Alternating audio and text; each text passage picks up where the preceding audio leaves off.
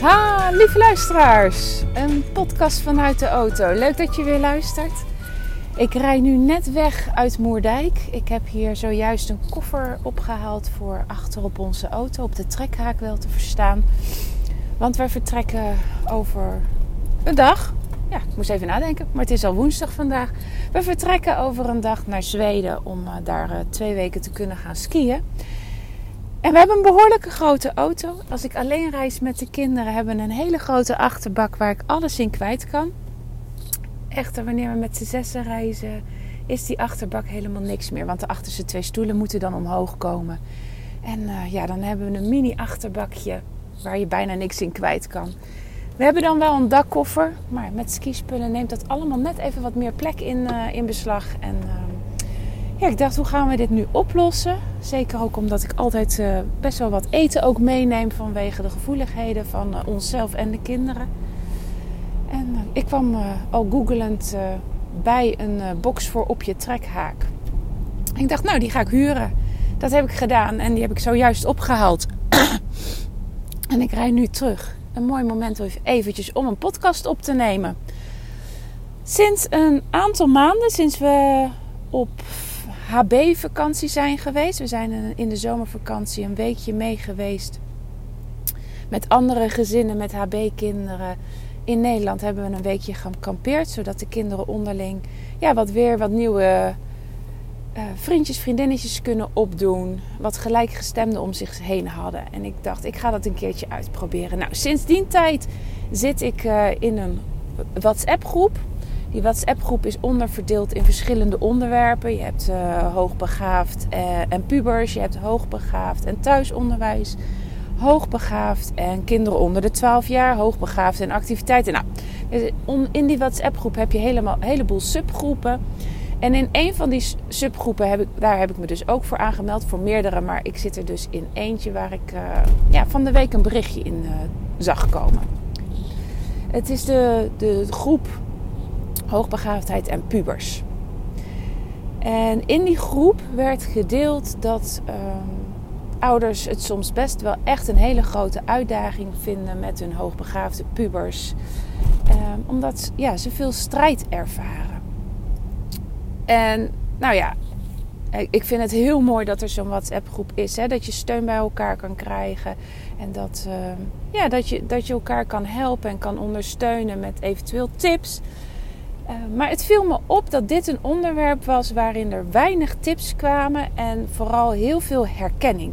Ook al fijn, hè? soms is herkenning al meer dan genoeg. Maar uh, ja, ik denk van als ouder zijn ben je natuurlijk niet alleen naar, maar op zoek naar herkenning. En wil je niet alleen maar van andere ouders horen hoe pittig het is en hoe zwaar het is. Maar ja, is het natuurlijk ook heel erg fijn om tips te krijgen.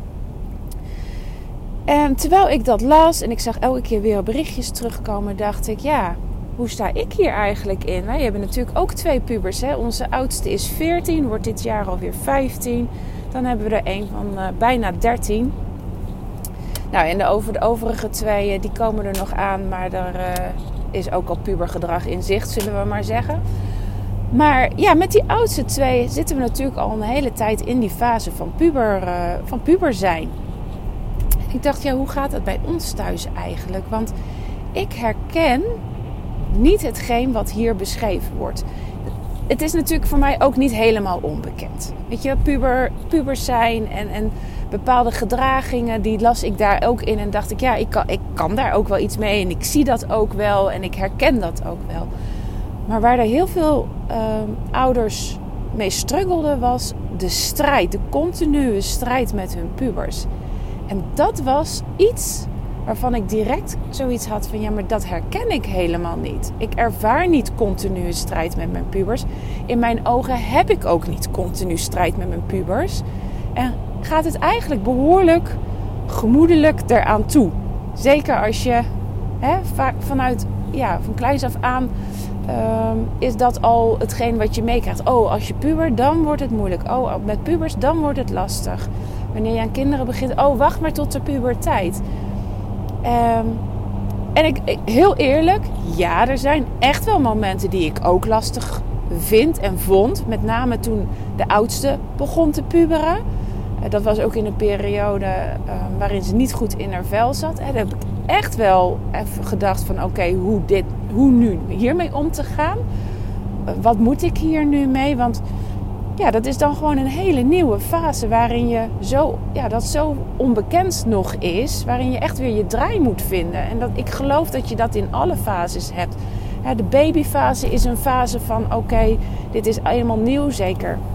En bij je eerste is dat, alhoewel ik vind dat elke baby toch ook weer anders is. En dat je daar, ja, dat je daar toch ook wel weer op een andere manier mee omgaat. Maar ik vind dat in alle fases. Alle fases hebben bij mij in ieder geval ervoor gezorgd dat ik echt even dacht van oké, oh, we stappen nu in iets nieuws. Even bedenken hoe nu verder, hoe ga ik dit aanpakken, eh, vallen en opstaan en weer doorgaan.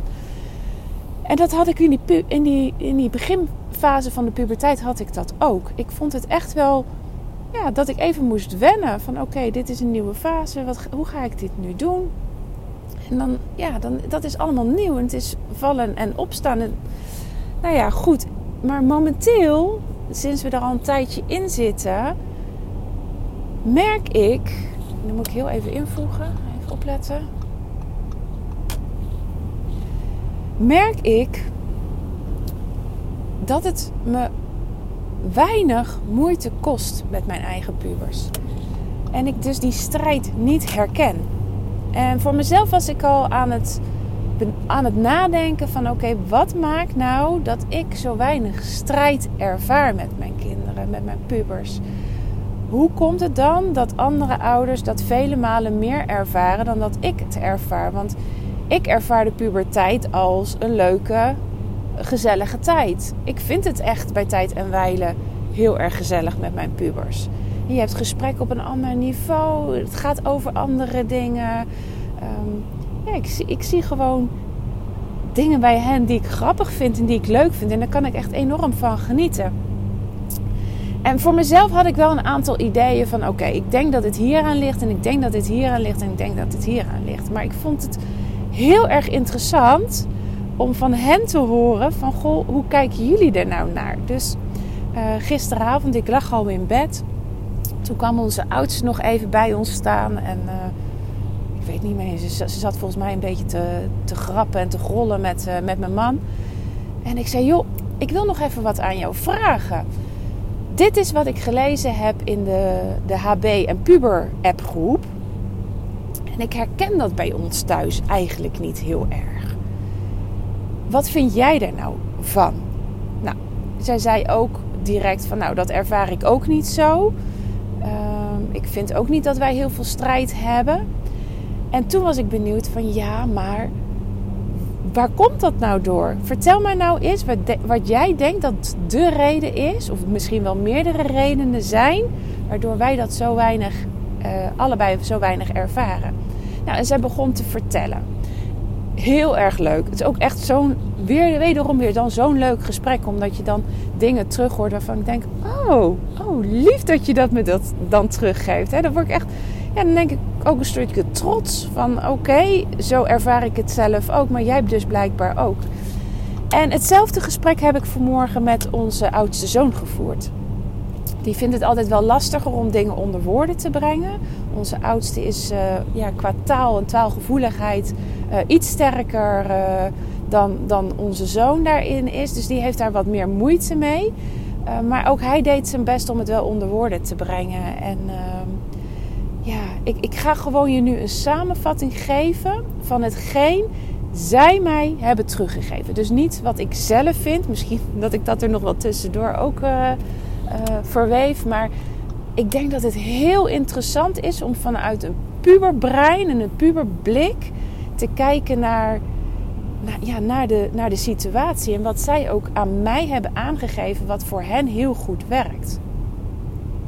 Nou, allereerst, ehm, en dat vond ik heel mooi, dat was hetgene wat mijn zoon mij teruggaf, is van ehm, mama, ik denk dat voor ons het heel belangrijk is dat we veel minder strijd samen hebben, is dat ik veel meer rust ervaar. ik moet niet meer naar school, ik hoef niet van alles. Vooral dat moeten heb ik heel veel last van. Daar krijg ik ook stress van en, en dan ben ik gewoon een stuk minder gezellig. En dus even mijn ik, ik heb het even nu wel samengevat in mijn eigen woorden. Daar wil ik wel even eerlijk in zijn. Uh, maar dit is de kern die ik eruit haalde. Hij zei: Wij hadden veel meer ruzie en veel meer strijd uh, toen ik nog heel veel stress had omdat ik naar school moest. En nou ja, dat kan ik helemaal beamen. Dat klopt. Dat klopt helemaal. Ik, ik heb ook veel meer strijd met ze ervaren toen ze jonger waren en toen ze naar school gingen. En dat wijd ik niet zozeer aan alleen maar de schoolgang, maar dat wijd ik veel meer aan de stress die de schoolgang uh, bij hen opriep. En met name bij hem. Hij is een, een, een jongen die heel gevoelig is, uh, heel veel prikkels oppikt, ook heel veel details opprikt, op, op, opprikt, oppikt. En um, waar eigenlijk een dag naar school gaan best wel heel pittig voor hem was. Dat kan ik nu met terugwerkende kracht zien. Um, ook, mede ook, omdat hij um, ja, gewoon niet de juiste begeleiding kreeg. De, de momenten die goed gingen zijn de jaren, nou ja, is misschien één jaar geweest van heel zijn schoolcarrière. Waarin hij echt een hele sensitieve, lieve juf had die zelf ook goed in haar vel zat. Het jaar daarna had hij namelijk dezelfde juf en toen zat ze zelf veel minder in haar vel. Um, ja, dat, dat merkt hij, dat voelt hij. Daar, daar is hij heel gevoelig voor. En dan werkt het niet. En dat zie ik dan ook direct weer terug. dat zag ik gewoon direct weer terug in zijn gedrag. Dus um, de docent hem zien, hem begrijpen. Uh, dat hij ook daar een prettig gevoel van krijgt, was echt wel voorwaarde voor hem om prettig en gezellig thuis te komen. En dat ervaarde ik ook direct terug uh, in de manier waarop wij met elkaar om konden gaan. Veel minder strijd, veel meer gezelligheid. Dus ik vond het heel mooi dat hij dat zo ook kon zien en benoemde. En daarnaast zei hij: Voor mij is het ook belangrijk dat ik enige vorm van structuur heb. Hij zei: Structuur is voor mij belangrijk. Maar, zei hij daarbij, direct, en hij, ging het gelijk nuanceren. Dat betekent niet dat jij mij de voor mij de hele dag moet bepalen wat ik moet doen. Dat betekent ook niet dat ik alles vastgezet wil hebben. Maar dat ik enige vorm van duidelijkheid heb. En enige, hè, dus in de vorm van een bepaalde structuur, dat ik weet waar ik aan toe ben, vind ik heel erg prettig. En dat heb ik nodig om lekker in mijn vel te zitten is een vrije vertaling van hetgene wat hij mij vertelde. En dat herken ik. Dat herken ik bij uh, alle vier de kinderen. Ook bij de jongste twee die dan nog niet pubers zijn. Ze hebben behoefte aan een bepaalde mate van duidelijkheid. Ze hebben behoefte aan een bepaalde mate van, van structuur. Uh, vaste momenten op de dag waarvan ze weten: oké, dat verloopt altijd zo. Vaste afspraken waar, waar ik me dan ook aan hou. Dat is dan even een toevoeging van mij. Ik zie heel erg bij alle vier de kinderen dat als ik uh, bepaalde structuren uitzet of bepaalde afspraken met ze maak en zelf daar niet in consequent in ben, dat is echt mijn allergrootste uitdaging om consequent te zijn, uh, dat ze daar last van hebben. Dat ze daar ja, dat ze daar wiebeliger van worden. En dan ervaar ik ook veel meer strijd met ze. Op het moment dat wij een aantal van die eikpunten op een dag hebben en ik daar uh, me gewoon aan hou, dan doen ze het daar eigenlijk heel erg goed op. En dat betekent in het verleden dat ik best wel eens om, bepaalde van die structuren erin te krijgen, best wel eens even strijd heb moeten voeren. Maar vaak is dat maar een dag, twee dagen, drie dagen. Nou, hooguit een week. Maar dan, ja, dan, dan was de structuur voor iedereen bekend, hoefden ze er niet meer tegenaan te schoppen. Dus uh, ja, die structuur is wel echt heel belangrijk. Maar gelijk de kanttekening, vrijheid is daarin belangrijk. Dus het evenwicht bewaren. En mijn dochter zei gisteravond daar ook iets over. Van, weet je, ik, ik vind het fijn dat ik ook heel veel dingen zelf mag bepalen. Dat ik heel veel dingen zelf mag weten, zelf mag uitvoeren, zonder dat jij continu op mijn lip zit. Zonder dat jij continu ergens iets van moet vinden of wat van um, je mening over hebt. Of, of ja, van mij eist dat ik bepaalde dingen doe. En ik moest een beetje lachen, want de laatste weken zit ik behoorlijk, in mijn ogen behoorlijk op haar lip met betrekking tot het voorbereiden van haar staatsexamen. Met name bij wiskunde, daar is toch echt nog wel wat werk te doen. En toen zei ik dat ook tegen haar: van ja, is dat zo? Want ik zit jou behoorlijk momenteel op de lip. Van, ben je al begonnen met je wiskunde? Wat heb je vandaag gedaan aan wiskunde? Dus ik zit me er eigenlijk wel mee te bemoeien. En ik, hè, we hebben daar ook gewoon wel afspraken over gemaakt. En ik probeer ook wel dat je die nakomt. Ik zeg, vind je dat dan niet uh, ja, dat ik er te dicht bovenop zit? Of dat je te weinig zelf kan bepalen? en toen moest ik heel erg lachen om haar antwoord. Want toen zei ze tegen mij: Ja, maar mam, heel eerlijk is dat ook natuurlijk wel gewoon terecht. en ja, ik vind het dit, dit soort gesprekken met ze dus dan leuk om dit soort dingen ook terug te horen. Want het geeft bij mij soms best wel eens twijfel. Denk, ja, zit ik er nou niet te veel bovenop? Moet ik niet een beetje meer, ja, back off? Uh, ga anders maar gewoon hè, um, uh, onderuit en, en haal het dan maar niet. Misschien is dat je les. Wat, wat wanneer, waar is de grens tussen oké, ik spoor je aan en ik vind, hè, ik stel structuren en ik stel eisen aan je en waar moet ik je loslaten? En, en, dan krijg ik dus terug, ja, maar dit is wel echt noodzakelijk, want je hebt daar gewoon een punt in, mam. Um, dus is voor mij ook hele waardevolle feedback om dat te krijgen. Um, maar zij zei ook van, dus eigenlijk het stukje van wat mijn zoon ook zei, aan de ene kant uh, geef me kaders en, en, en, en begeleid mij daarin. Maar geef me aan de andere kant ook ruimte. Nou ja, en dat is wel iets um, wat ik heel erg met ze doe. In die zin van ik zit op haar huid, in, mijn ogen dus, uh, wat betreft het voorbereiden van haar staatsexamen. Maar wanneer ze dat doet en hoe ze dat doet, um, ja, daar is ze behoorlijk vrij in. Met de kanttekening wat ik wel zeg, ja, weet je, als jij daar s'avonds om uh, half tien mee komt, dan heb ik er geen zin meer in als je geholpen moet worden. Dus als je mijn hulp nodig hebt, dan zou je het overdag moeten doen. En er zijn momenten dat ik dan wel voor je beschikbaar ben en niet. Maar dan moet je maar wachten en dan ga je maar door naar het andere of je slaat het over. Of zoek je maar je weg daarin. Dus weet je, ook daarin zijn er dus wel weer duidelijke uh, structuren vanuit mijn kant uitgezet. Wanneer wel, wanneer niet. Maar er is ook heel veel vrijheid hoe ze het aanpakt en hoe ze het doet en wanneer ze het doet. Dus nou ja, een beetje om je beeld te geven. Uh, dit is ook helemaal niet van zo zou jij het ook moeten doen. Maar dat je een beetje beeld krijgt van goh, hoe ik dat nou thuis aanpak. En hoe ik ja, die, de, de, de ruimte tussen vrijheid geven, de autonomie geven, die deze kinderen heel hard nodig hebben. En, en een stuk, uh, ja, toch een stuk kaders geven aan ze. Ja, en het andere, uh, nee, ze zei nog veel meer, maar uh, een van de andere dingen die ze tegen mij zei is van, um, mam, jij bent ook iemand die niet continu, ja, dat komt een beetje op hetzelfde neer, maar continu op onze lip zit. En die heel erg ons de ruimte geeft. En, en, nou, niet zozeer alleen de ruimte, maar jij bent iemand die ook niet zoveel eisen stelt aan schoolwerk. En dan haalt ze altijd het voorbeeld aan. Um, vlak voordat wij naar Zweden gingen, dat wisten wij nog niet toen wij uh, haar inschreven voor de middelbare school. Um, dat was zo ergens uh, eind juni, begin juli denk ik dat we haar inschreven. We waren toen ook al laat. Um, we maakten toen de overstap van het democratische onderwijs naar, nou ja, er moet iets anders komen, want dit werkt niet.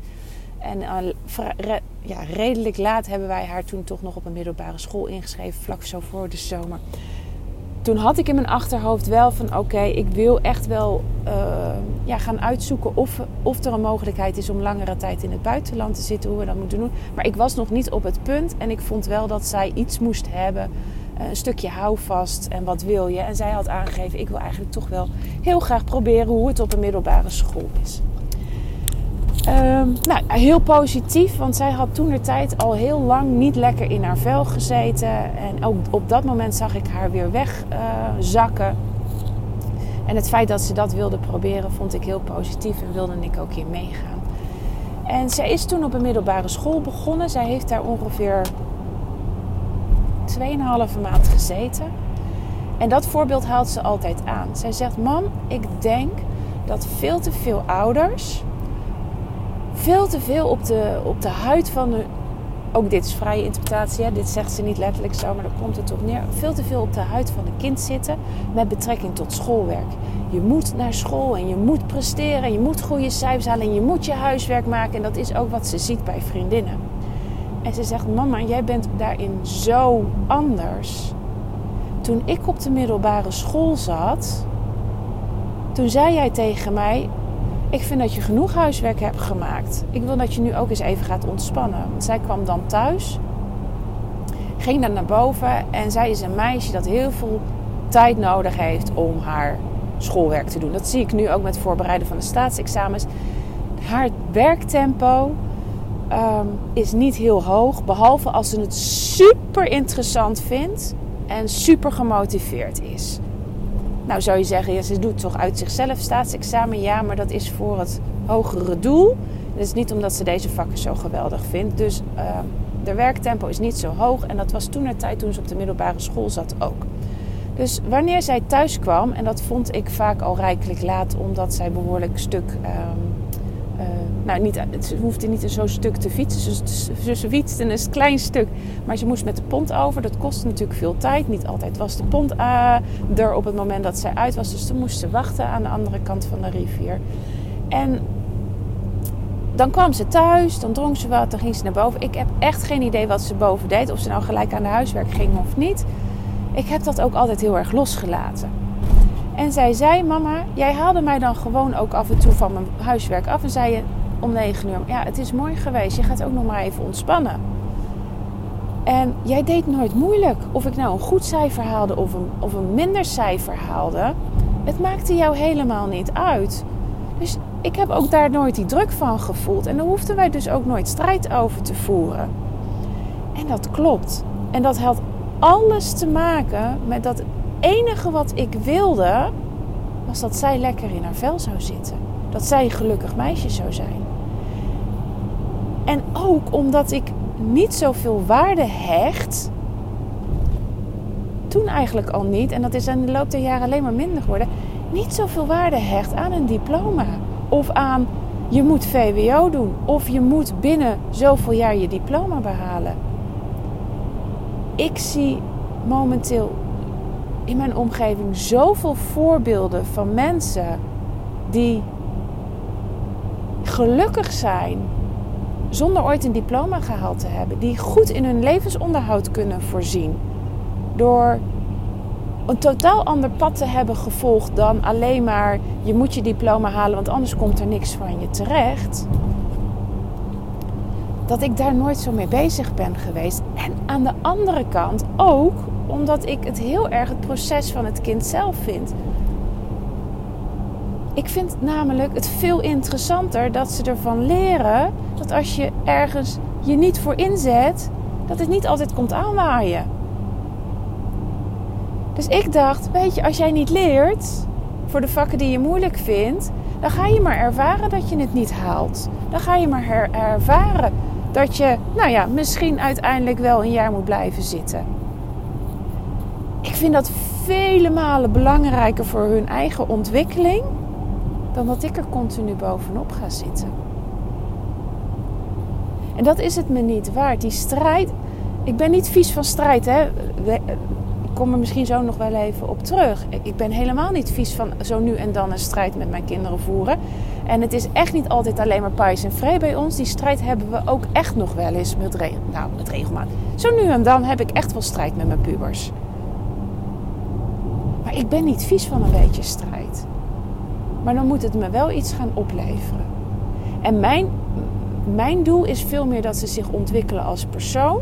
Dan als ze zich ontwikkelen door ja, sorry, domweg te leren wat je moet leren en het vervolgens weer te vergeten. Weet je, ik, ik ga ervan uit, en ik denk dat elk kind dat kan, maar zeker een hoogbegaafd kind.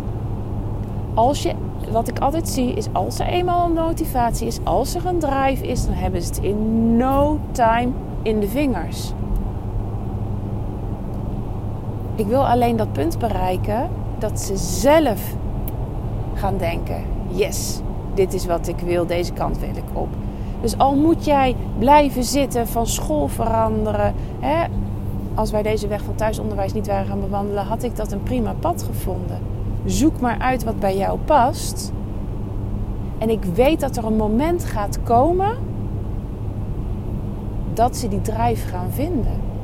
En dat als ze dan iets willen bereiken, dat het ook in no time ze die kennis eigen gemaakt hebben om het te kunnen.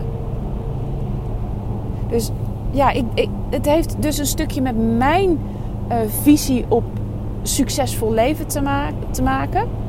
In mijn ogen is een diploma behalen en je, school, hè, je schoolcarrière doorlopen uh, zonder te veel struggelen en zonder te veel vallen, is voor mij niet succes. Dat is geen succes. Dat is in mijn ogen niet iets wat, wat ik kan betitelen als succesvol.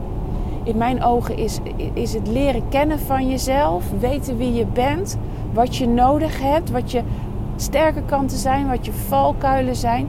Dat, dat is in mijn ogen um, succes behalen.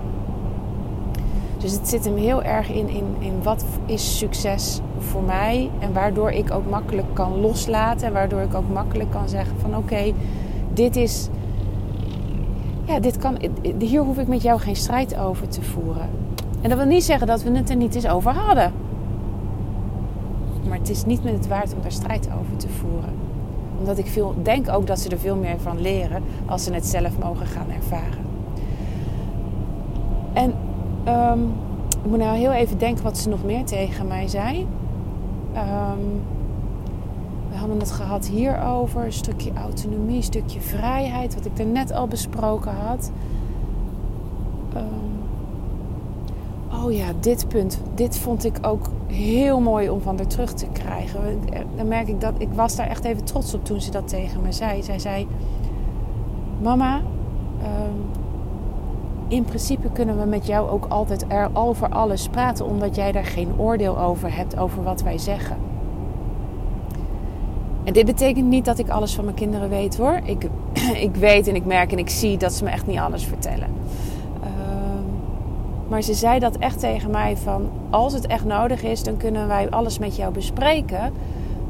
Want jij zet er geen oordeel op, jij hebt er geen mening over. Dat laatste is niet waar, want ik heb echt wel over sommige dingen een mening. Maar dat is niet het eerste wat ik met ze bespreek. Omdat wanneer ze bij mij komen. Nee, ik moet het beter zeggen. Dat is, mijn mening is niet hetgene wat ik, al, wat ik altijd als eerste met ze bespreek. Soms krijgen ze die wel direct. Dat is dan passend in de situatie. Dan mogen we ook van mening verschillen. Um, dat heb ik ze al geleerd van kleins af aan. Uh, met name met de oudste, um, die zei dan: uh, Nee, het is echt zo. Ik zei: Ja, maar ik denk echt dat het zo is. Nee, ik weet het zeker dat het zo is. Nou ja, prima, dan verschillen we van mening. Mag ook. Dat zei ik altijd tegen haar. Dus dat is wel, hè, ik geef mijn mening wel. Ik deel het ook met ze. Uh, maar er zijn momenten dat ik dan denk van ja, maar dit is helemaal niet, belangrijk nu doet mijn mening er even helemaal niet toe. Het is veel belangrijker wat je er zelf van vindt. Of wat heb je er hier nu uitgehaald? Wat heb je ervan geleerd? Wat, wat heeft het je opgeleverd? Nou, dan zijn dat de gesprekken die we voeren. Ehm, en ja, nou ja, er zijn ook momenten dat ik wel mijn mening geef. Of dat ik achteraf mijn mening geef. En, en dat is dan ook puur mijn mening. Daar hoeven ze. Dat is denk ik het ik voer geen strijd met mijn kinderen over dat ze mijn mening ook moeten zien als de waarheid. Um, zo, zo, in mijn ogen werkt het zo niet. Um, ik deel mijn mening niet omdat ik wil dat zij die mening gaan overnemen of dat dat ook hun mening wordt. Ik discussieer met ze en ik geef mijn mening om te laten zien dat, dat je ook vanuit een andere kant naar, naar een situatie kan kijken. En dat je vanuit daar ook, dat ze, dat ze aangezet worden tot nadenken. Dat, dat is hetgene wat ik ermee wil bereiken. En daarin zit denk ik een stuk strijd die we niet hoeven te voeren. Daarin zit een stuk ja, dat, we, dat we met elkaar in gesprek gaan ik ben niet bezig om mijn, mening als de waarheid uh, te krijgen. en ja, dat, dat is dus wat, wat ik terugkreeg van ze. En ehm, wat ik herken en wat ook mijn punten waren waarvan ik dacht, ja weet je, volgens mij zit het hem hierin. Het zit in een stuk communicatie, het zit in een stuk, ehm, ja, ook een stuk choose your battles. Um, stuk, het zit een stuk in, autonomie geven, in vrijheid geven. En ja, als jij als ouder struggelt met, met, met werk, wat ze op school moeten doen en dat je daar veel strijd over hebt, ja, dan zit het hem soms, tenminste in mijn ogen, ook in een heel deel in van um, dat jij het als ouder heel belangrijk vindt dat er geleerd wordt, dat er goede cijfers behaald wordt, dat er een diploma behaald wordt. En ik denk dat daar voor heel veel ouders ook misschien wel een winstpunt te behalen valt. Van wat als jij dat kan loslaten? Wat als jij op dat moment kan zeggen van oké, weet je, het doet mij er niet zoveel toe. Jij gaat je weg toch wel vinden. Ik hoef dan niet krampachtig uh, ja, te zorgen dat, dat dat iets gaat worden. Nou, een podcast waarin ik heel veel heb gedeeld over onze thuissituatie, over onze privésituatie, over wat mijn kinderen mij hebben meegegeven. Um, luister ernaar met, het, met, met de gedachte van: oké, wat kan ik er hier voor mijn eigen situatie uithalen? Niet omdat jij het moet doen zoals ik het doe, um, maar ik denk dat het heel erg interessant is over hetgeen wat. Ja, om na te denken over, over datgene wat mijn kinderen hebben aangegeven, wat zij als heel prettig ervaren en waardoor zij denken dat er bij ons thuis ja, relatief weinig strijd is. Um, ja, haal er voor jezelf uit wat voor je, wat, ja, waar, je, waar je van jij denkt van oké, daar is in onze gezinssituatie ook nog winst te behalen. en, en, hoor niet alleen maar, oh, oh, Eveline die doet het zo geweldig, oh, Eveline die doet het zo goed. Um, dat is helemaal niet mijn intentie met deze podcast. En ik hoop ook echt dat je dat kan horen. Um, want ik vind niet dat ik alles heel goed doe. Ik, ik vind wel dat we de goede weg, op de goede weg zitten. En ik ben ook trots op, op hoe ik het moederschap invul en, en wat de, de resultaten zijn. Klinkt, klinkt zo raar, resultaten, maar wat ik terugzie bij de kinderen. Ik ben daar echt trots op. Ik ben daar ook heel blij mee. Ik ben daar happy mee. Dit is wat ik altijd voor ogen heb gehad als ik, uh, toen we aan kinderen begonnen. Maar dat wil niet zeggen dat het bij ons altijd alleen maar pijs en vrees, dat het alleen maar goed gaat en dat we nooit struggles hebben en dat ik de meest geweldige moeder uh, ben. Ehm, daar denken mijn kinderen bij tijd en wijle ook echt heel anders over. Dus ik hoop dat je deze podcast ook echt zo kan beluisteren meer van oké, wat kan ik er zelf uithalen? Wat kan ik ervan leren? En waar zitten voor mij nog verbeterpunten? Um, nou ja, dat wilde ik even kwijt. Het is volgens mij een hele lange podcast geworden, want ik ben inmiddels vanuit Moerdijk weer op mijn plek van bestemming. Tenminste, uh, bij de winkels waar ik nog het een en ander moet, uh, moet halen. Dankjewel voor het luisteren. Uh, wederom weer bedankt. Mocht deze podcast jou nou ontzettend inspireren, helpen, waardevol zijn, dan wil ik je vragen, mocht je het nog niet gedaan hebben, of je de podcast nog een keer wil, of nee, niet nog een keer, of je de podcast wil beoordelen. In Spotify kan dat door naar boven te scrollen. Uh, daar zie je een aantal sterren staan. Je kan de podcast het aantal sterren geven dat jij graag wil geven, hoe waardevol het voor jou is hoe hoger de podcastbeoordeling, hoe makkelijker de podcast ook gevonden gaat worden uh, door andere ouders. En dat is wat ik wil. En ik wil andere ouders gewoon inspireren met mijn verhaal, met mijn visie, uh, met mijn kijk op, ja, op de dingen die anders zouden kunnen. En uh, nou, als je daaraan wil bijdragen, wil je dan alsjeblieft de podcast beoordelen. Dan ga ik afsluiten. Dankjewel voor het luisteren en ik wens je nog een fijne dag. Doei doei!